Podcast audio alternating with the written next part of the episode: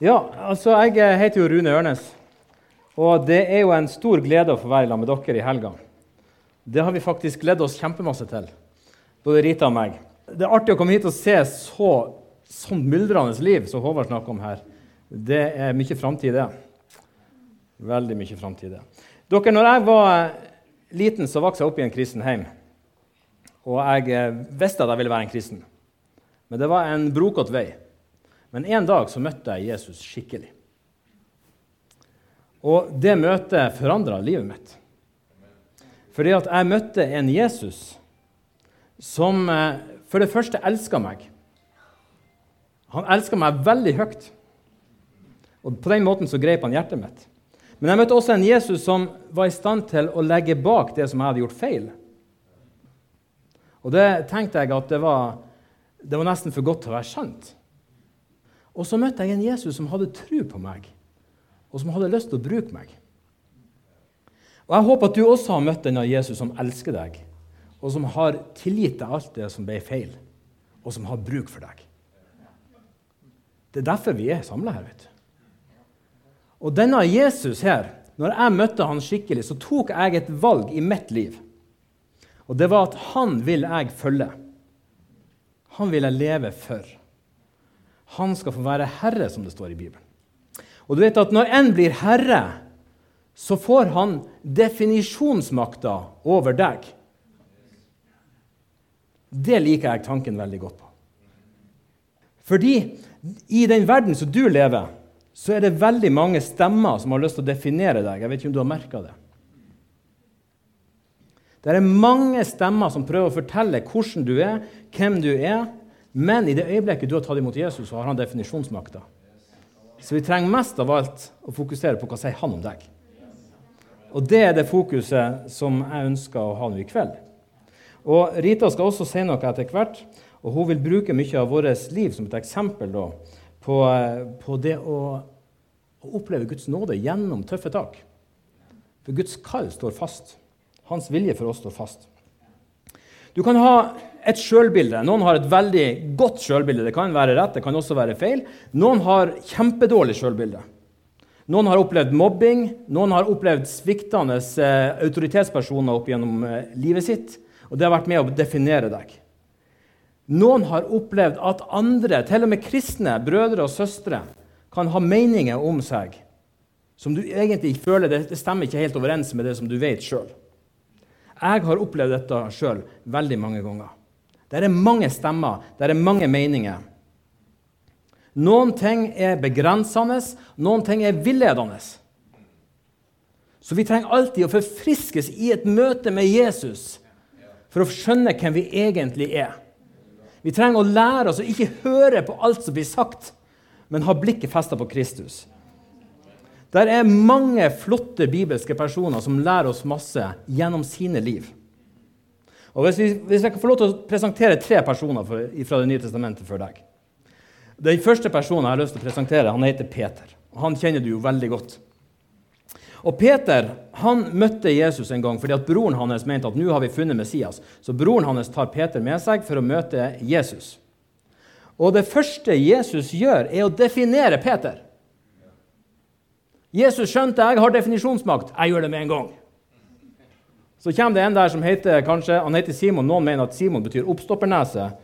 Eh, noen mener vel at det betyr et eller annet ville av Herren. eller noe sånt. Men, men Jesus sier til ham du skal hete Kefas. Kefas betyr klippen. Her har Peter så vidt møtt Jesus, så blir han definert som klippen.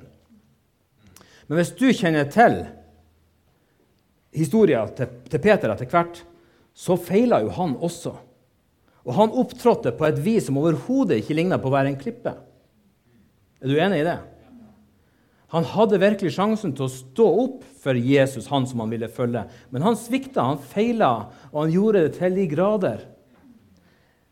Så når han da, i lys av det, den definisjonen som Gud, Jesus hadde gitt ham, når han da så sitt eget liv, så kunne han godt miste motet og tenke nei, Jesus tok feil. Ikke mye klippe her i gården. Dette er helt elendig. Men definisjonen fra Jesus sto fast likevel. For du vet hva som skjedde etterpå. Og Så sa Jesus noe til ham. Han sa det, 'Følg meg, og så vil jeg gjøre deg til menneskefisker. Her er definisjon nummer to. Peter, du er en menneskefisker. OK, er det, tenkte Peter. Jeg trodde jeg skulle fiske torsk. Nei, torsk hadde de ikke der. Makrell. jeg er en menneskefisker. Og så, og så, kan du se for deg hvordan Peter opplevde det. Wow, nå skjer det så mye bra her. Alle sprenger etter Jesus, og jeg får være med. Jeg er en menneskefisker allerede. Men så kom det jo noen sånne downs etter hvert, der alle forlot Jesus fordi at Jesus formulerte seg på, på et vis som støtter folk bort. Du kan se for deg hvordan Peter mista motet. Var det ikke menneskefiskere? Han mista all fangsten! Vi har mista all fangsten! Men definisjonen fra Jesus sto fast. Og Hvis du kjenner historien om Peter, så ble han en menneskefisker med store dimensjoner. Og så etter at Jesus hadde reist opp Peter igjen etter at han svikta, etter han fant ut at det er ikke noe klippe, men så, så, reiste Jesus han opp igjen til å være en klippe han var kalt til å være, så fikk han en definisjon til. Noen som husker hva Jesus sa til han? For Jesus sa det at 'Elsker du meg, Peter? Elsker du meg?' Hva svarte Jesus? Han svarte tre, det var tre ganger dette spørsmålet kom. Og hva var det gjensvaret fra Jesus da? Peter sier, 'Ja, du vet at jeg har deg kjær'. Si det litt. Fø mine lam. Fø mine lam, sier han først. Og neste gang så sier han, 'Vær gjeter for fårene mine'. Og så tredje gang så sier han igjen, før mine lam', tror jeg. Noe sånt omtrent der. Så tredje definisjon på Peter er 'vær en gjeter', vær en hyrde'. Så Peter lot seg definere av Jesus sjøl. Det var mange stemmer. Du kan tenke deg hvor mange stemmer det var mot Peter. Menneskehordene som gikk imot Jesus. Kan du, kan du, tenke deg hva de sa om Peter? Kan du tenke deg hva den tjenestejenta sa om Peter når hun så hvor feig han var, og hørte at han vantes på at han kjente på Jesus? Kan du tenke deg hvor mange stemmer som trykka Peter ned? Men Jesus hadde definert den. Og når Hellige kom over ham, og han røyste seg opp, så gikk han inn i alt det som Jesus hadde sagt om ham. Så var det en annen mann som heter Paulus. Paulus han var en ivrig motstander, det kjenner du til. Og han gjorde alt han kunne for å forfølge de her kristne. Og så møter han da dette lyset på tur til Damaskus. Han blir slått til bakken, han blir blinda. Og i det møtet der så blir han definert. Og Hvis du har lyst til å være med meg til apostlenes gjerninger, kapittel 26,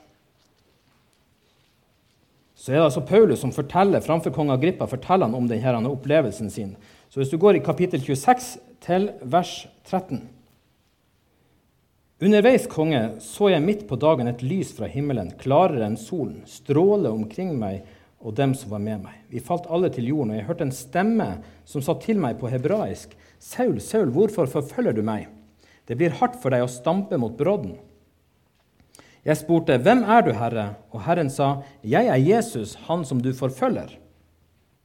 Men reis deg nå og stå på føttene. Jeg har, deg, eh, jeg har, vist meg for deg for å velge deg ut til tjener og til vitne, både om det du har sett av meg, og om det du siden skal få se, når jeg berger deg fra ditt eget folk og fra hedningfolkene. Jeg sender deg til dem for å åpne øynene deres, så de vender om fra mørke til lys, fra Satans makt og til Gud. Ved troen på meg skal de få tilgivelse for syndene og arvelodd sammen med dem som er blitt helliget. Derfor, kong Agrippa, har jeg ikke vært ulydig mot det himmelske synet. Her ser du en mann som blir tatt for å gjøre ting som han ikke har lov til å gjøre. Men hvorfor gjør han disse tingene? Jo, fordi han hadde fått et kall. Fordi han hadde blitt definert av han som han møtte på vei til Damaskus.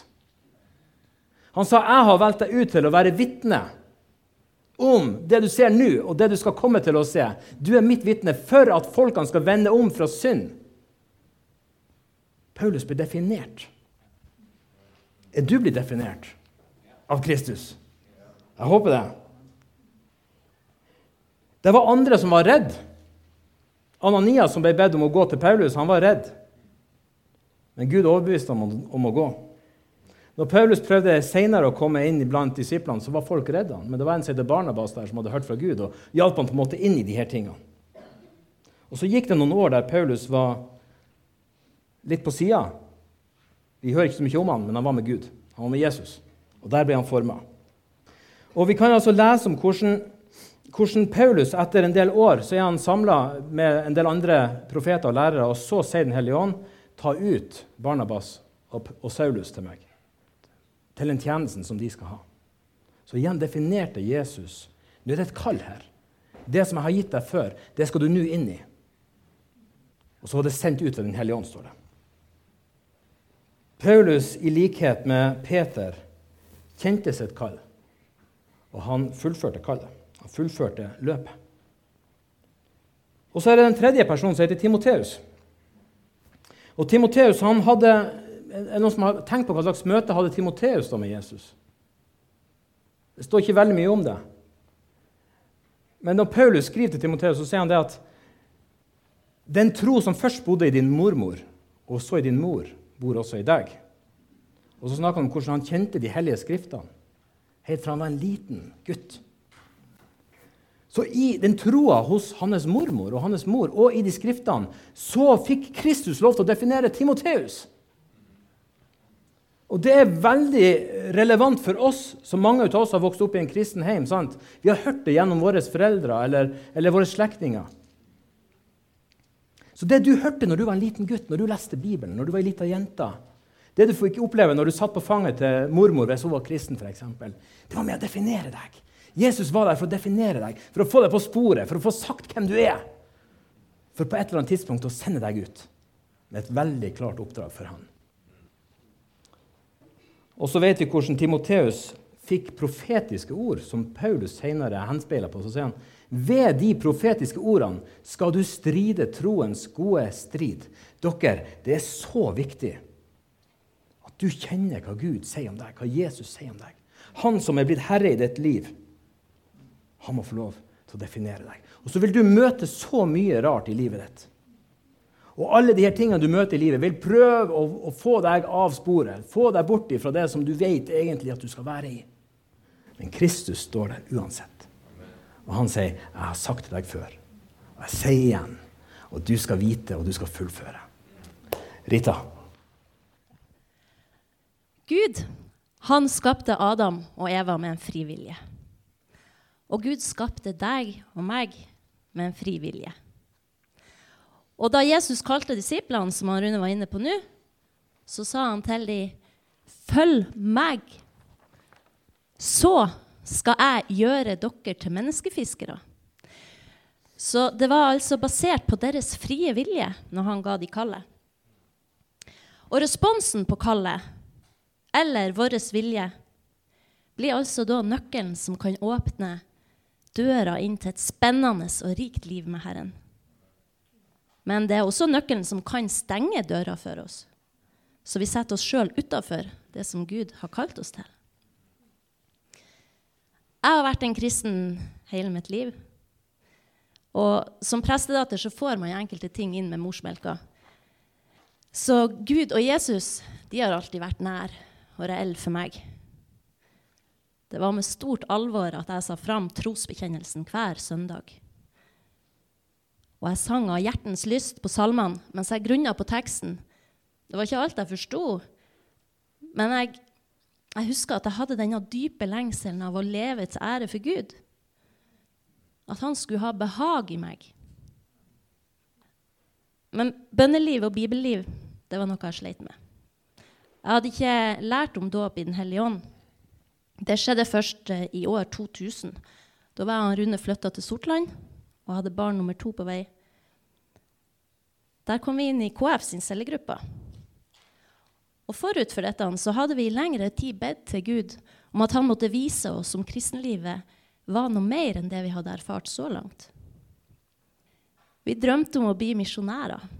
Vi hadde allerede meldt vår eh, interesse til lagspresten angående sin stilling i Ecuador. Vi drømte om vi, hadde, altså vi opplevde helt klart at Gud hadde en, en plan med oss og et kall for oss to sammen. Men vi så ikke helt veien i det. For oss var det derfor rikt og spennende da vi kom inn i KF. Det var bønnesvar. På den ene sida så var det veldig, veldig, veldig godt. Og på den andre sida så var det veldig, veldig, veldig utfordrende. Vi fikk jo forkynnelse om dåp i vann. Å, kjære Gud, vent litt. Det der må jeg tenke på. Vi fikk forkynnelse om dåp i Den hellige ånd, om tungetale. Og jeg kjente meg så provosert. Jeg var ikke en tungetalende type.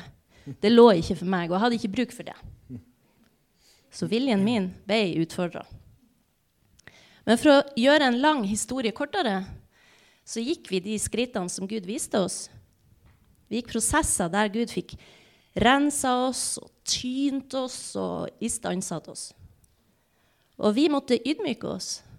Og viljen vår ble satt på prøve mer enn én en gang, både overfor Gud og overfor hverandre. Etter hvert så leda han jo oss til Øksnes. Der fikk vi syv feite, gode år. Det var oppdrift i tjenesten med planting av cellegruppe og menighet. Og vi så folk ta imot Jesus og bli døpt. Vi opplevde godt fellesskap.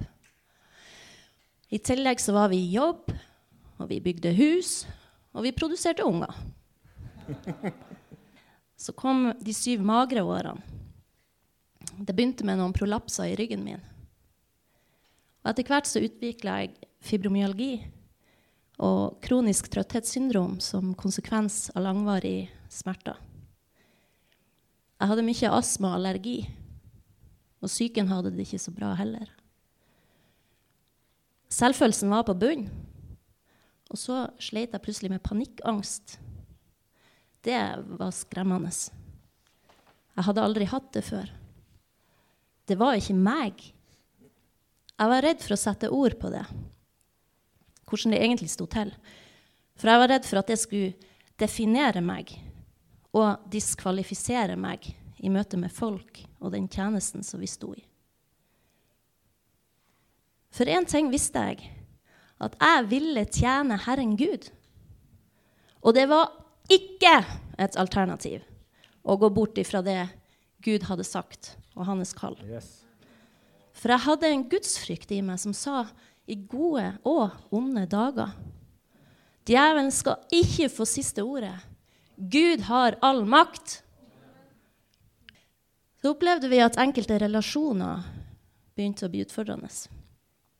Den oppdrifta og surfebølgen vi hadde vært på, var for lengst dødd ut og bytta ut med uværsbølger. Den mørke tunnelen føltes uendelig. Og jeg sukka og ropte til Gud at han måtte føre oss opp og ut igjen. Så skjedde det at Gud begynte å legge nye tanker og drømmer i hjertene våre. Jeg hadde jo trodd at jeg skulle bli gammel og grå i Øksnes. Av natur så var jeg trygghetssøkende og med sterkt behov for forutsigbarhet. Og vinter og mørketid hadde jeg aldri hatt sansen for. Det ble derfor ganske stort kaos både i hodet og i følelsene da Gud kalte oss til Tromsø. Vi hadde fire barn. Vi kunne da ikke bare rive de opp og ta de bort fra barndomsheimen og fra besteforeldrene som de var så glad i og nært knytta til. Dessuten sa ryktene at ungdomsmiljøet i Tromsø var ganske tøft, og det var ikke særlig mange kristne på deres alder. Så hvis vi skulle flytte til Tromsø, da måtte jeg ha skrifta på veggen. Jeg måtte vite at Gud sto bak, for konsekvensene dersom ikke Gud sto bak, var altfor stor. Alvoret tynga. Og en annen ting hvor skulle vi bo henne? Vi var en familie på seks som knø seg inn i en liten byleilighet. Var ikke et alternativ. Og vi hadde allerede stort huslån, og det var ikke lett å få salg til en god pris på hus i Øksnes. Bolig ja, boligmarkedet i Tromsø det var blant byens, nei, landets tøffeste. Og egenkapital hadde vi ikke. Og hva med jobb? Det var jo ikke bare å få seg jobb. Og sånn som helsa mi var, så kunne jeg jo ikke gå inn i hva slags som helst type jobb heller. Og hva kom folk til å si? Skulle vi svikte vennene våre i Vesterålen og Øksnes og flytte ifra de. Arbeidet i menigheten var eh, sårbart, og vi var jo sentrale medarbeidere. Og hva med helsa mi? Jeg var syk. Jeg ble bare dårligere. Når jeg ikke hadde krefter til vanlig dagligliv, hvordan i all verden skulle jeg komme meg gjennom en hel flytteprosess? Jeg følte virkelig at Gud kalte oss til å gå på vannet. Vi som frimodig hadde forkynt for andre om å stole på Gud og vandre i tro. Og nå trodde vi at Jesus sa, 'Kom'. Men vind og bølgene skremte oss. Omstendighetene tilsa ikke at dette var et fornuftig valg. Hadde vi virkelig hørt rett? Var det Gud som kalte? Rune og jeg vi prata mye sammen. Vi ba, og vi drømte om framtida. Og det tok om lag fire år fra Gud første gang hviskra Tromsø i ørene våre, og til flyttinga var gjort. Da vi skjønte at det nærma seg tid for handling, og ikke bare bønn, så søkte vi råd hos profeter og apostler. Så Erling og Håvard og Terje, Noralf og Kerry de bekrefta oss, de oppmuntra oss.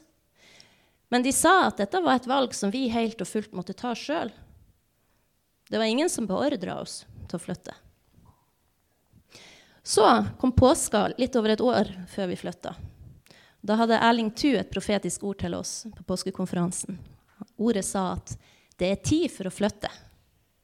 Men dere skal ikke bekymre dere, for Gud vet om deres behov.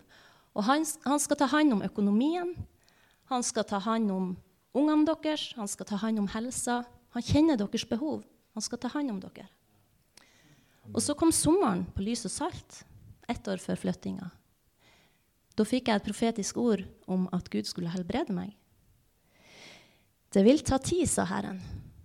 Men når det skjer, så skal du ikke være redd, for det vil ikke komme tilbake. Og den høsten ble jeg bare enda dårligere. Og det gikk ifra vondt til verre. Jeg fikk en ny prolaps i september, og smertene jaga i hele kroppen. Det var ikke bare ryggen. Det var natt, og det var dag. Til slutt så måtte jeg få morfintabletter for i det hele tatt kunne stå opp om dagen. Og en dusj kunne være et helt dagsprosjekt.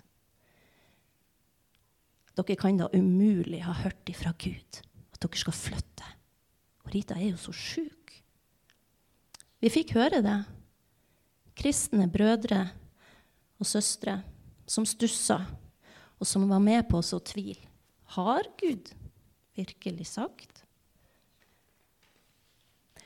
Gud sjøl gikk med oss. Og Gud sjøl bekrefta for oss med sin trofasthet. Ikke én gang har jeg opplevd at Gud har svikta oss. Eller at han ikke har stått ved sitt kall og sin utvelgelse. For Gud er trofast. Yes. Vi fikk salg på huset i Øksnes til en god pris. Og vi fikk kjøpt et stort og flott multipurpose house i Tromsø med utsikt, flott utsikt til 500 000 under takst. Og megler sa det skal ikke gå an, i Tromsø by. På vakre Kvaløya, 15 minutter fra sentrum.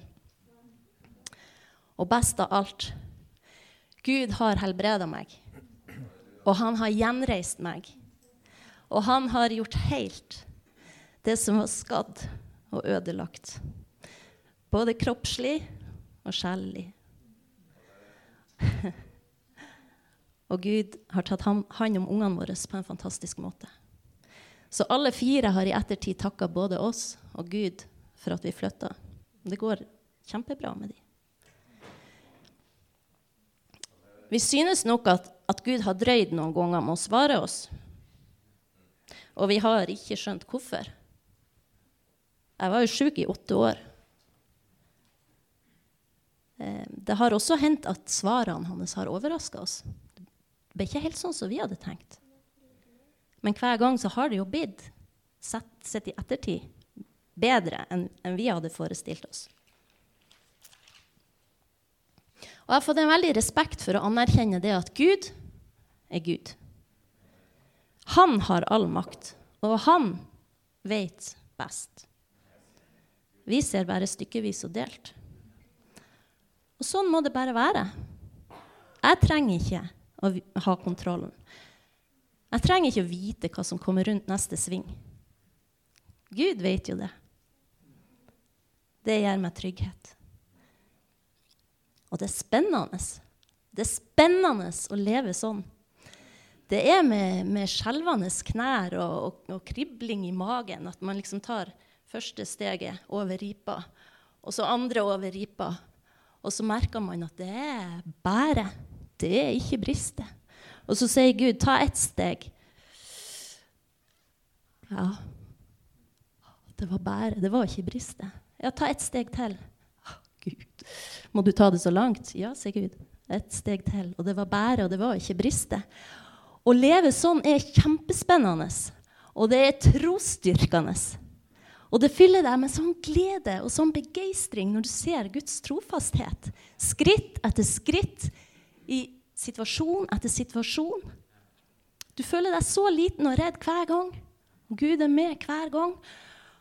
Og jeg blir like forundra, og så blir jeg kjempeglad. Og så kjenner jeg at dette er trosstyrkende. Dette er, det er jo fantastisk. Og et sånt liv det kan lede deg til steder og situasjoner som du aldri ville drømt om at du skulle befinne deg i. Og som nevnt her, så har jeg og Rune nettopp vært i Murmansk. Jeg skulle aldri til Russland. Det var den siste plassen jeg ville dra til. Det var Russland. Men det er en annen historie, så det skal vi komme kanskje komme tilbake til senere i helga. Men kjenner du kallet ditt? Og la meg presisere at det er ikke aldersbetinga. Det er ikke aldersgrense på det. Det har ingenting å si om du er ung eller om du er gammel. Og vil du følge kallet ditt? Du trenger å vite at du er kalt av Gud, og at det medfører om det medfører store forandringer omveltninger som flytting og reising og sånn. Eller om du er der allerede, midt i det, i kanskje en tilsynelatende vanlig hverdag, et A4-liv, det er mindre viktig. Det som er viktig, det er at du kjenner kallet ditt, og at du er lydig mot det. Hvis du lever i kallet, så trenger du også å vite at Gud omslutter deg med sin trofasthet. Og at det han har sagt, det skal han også fullføre med sin kraft og med sin makt. For som det står i Filipperne 1,6.: Han som begynte sin gode gjerning i dere, skal også fullføre den inntil Jesu Kristi dag. Og jeg er trygg på at Han som begynte sin gode gjerning i dere, skal fullføre den, helt til Jesu Kristi dag. For Gud, han er trofast. Det som Rita snakker om det her med å kjenne sitt kall. så Jesus har gitt oss et generelt kall. Det er bare å følge Han. Men så har han også spesielle oppgaver som han gir oss. Og, eh, og det gjør at det blir veldig rikt og veldig, veldig spennende. Men det første og beste vi alltid må sørge for at vi gjør, det er å se at vi er kalt til fellesskap med Jesus.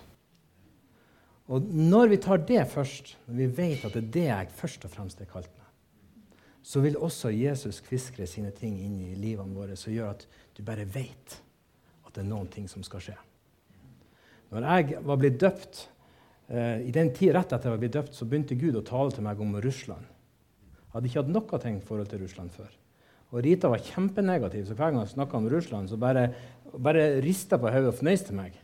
Men jeg visste at en gang så skal jeg ha med Russland å gjøre. Og Det bare lå der, og det gikk mange år, og jeg la det bort. og jeg tenkte ikke mer på det, Men så kom det igjen. Plutselig begynte hun å snakke om Russland. Og så ble det stilt igjen. Og så gikk det en dag, og så bare åpna Gud en dør inn til Murmansk. Og da var det gjennom Rita, faktisk. Og da har vi bare fått sett hvordan Gud førte oss inn. Og da var kallet til å gå til Russland det var planta ned i mitt hjerte allerede 12-13 år tidligere.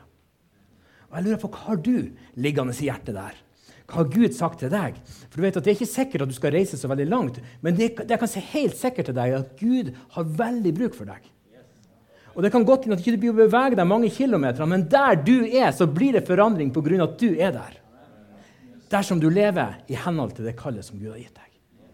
Så hva har Gud kviskra ned i hjertet ditt? Hva har Gud lagt der? Hva ligger hos deg nå? Må du tenke litt. For den helga skal, det, Vi har fått et ord om at Jesus skal gripe oss denne helga. Hva betyr det? Jo, han griper oss for seg sjøl, og så sender han oss ut! Sett oss til tjeneste. Så tenk over hva ligger der. Og først og fremst sørg for at du har et liv der du hele tida kneler ned for Jesus og lar han prege deg og forandre deg hele veien. Jeg skal være litt personlig helt til slutt. For jeg, jeg må innrømme at jeg dessverre er en sånn kar som er sensitiv for hva andre måtte finne på å si. Det er flaut å innrømme det for en barsk nordlending, men sånn er det. Så når jeg var begynt denne tjenesten og var i, i arbeid for evangeliet, og sånn, så hadde jeg det som en stor svakhet, svakhet i mitt liv. Og når det her begynte å bryte på med de stormene som Rita snakka om, så, så, ble det et stort problem for meg, for det var så mye synspunkter og meninger rundt omkring. Så når jeg snakker om synspunkter og meninger, så vet jeg hva jeg snakker om. Jeg vet ikke om du noen gang har fått sånne drømmer som du, når du våkner om morgenen, så vet du at det der var fra Gud. Jeg har gjort det, jeg har fått det noen få ganger. Jeg tror, jeg tror Gud taler til oss på den måten der. Men denne drømmen var som følger. Jeg var om bord i ei ferge, og denne ferga var ute i stormen. Og jeg sto på dekk, og jeg var kjemperedd. Og ferga gikk på grunn. Og jeg tenkte at dette er slutten. Og så var det bare en sånn frykt i livet mitt. Men så kom det noe. Det kom en kraft og løfta meg opp i lufta og dro meg bort og plasserte meg på en klippe. Og jeg våkna og var egentlig bare full av uro. Jeg tenkte, hva av det her? Men jeg bare skjønte at Gud prøvde å si noe til meg. Jeg prøvde i lang tid etterpå å, å søke Gud og, og, snakke med folk. Hva kunne dette bety? Men det gikk opp for meg at ferga det var det opplegget der jeg var avhengig av hva andre mennesker måtte mene om meg. Men Jesus hadde aldri tenkt at jeg skulle være på den ferga. Jesus hadde tenkt at jeg skulle ha mine føtter planta på klippen. Først da kunne jeg være i stand til å leve ut det livet som Jesus har kalt meg til å gjøre. Jeg håper du også har tenkt å ha beina dine trygt planta på klippa. Det er et godt liv. Og jeg ser på dere, I den fasen dere er, mange av dere opplever sikkert masse strevsomt i livet. Det, det er et kjør av og til. Det er bare å si det som det. Men det hjelper oss til å leve i tro. Og det hjelper oss til å leve overgitt Jesus. Så føttene på klippen. Han er veldig god. Han er full av nåde, og han er trofast. Amen.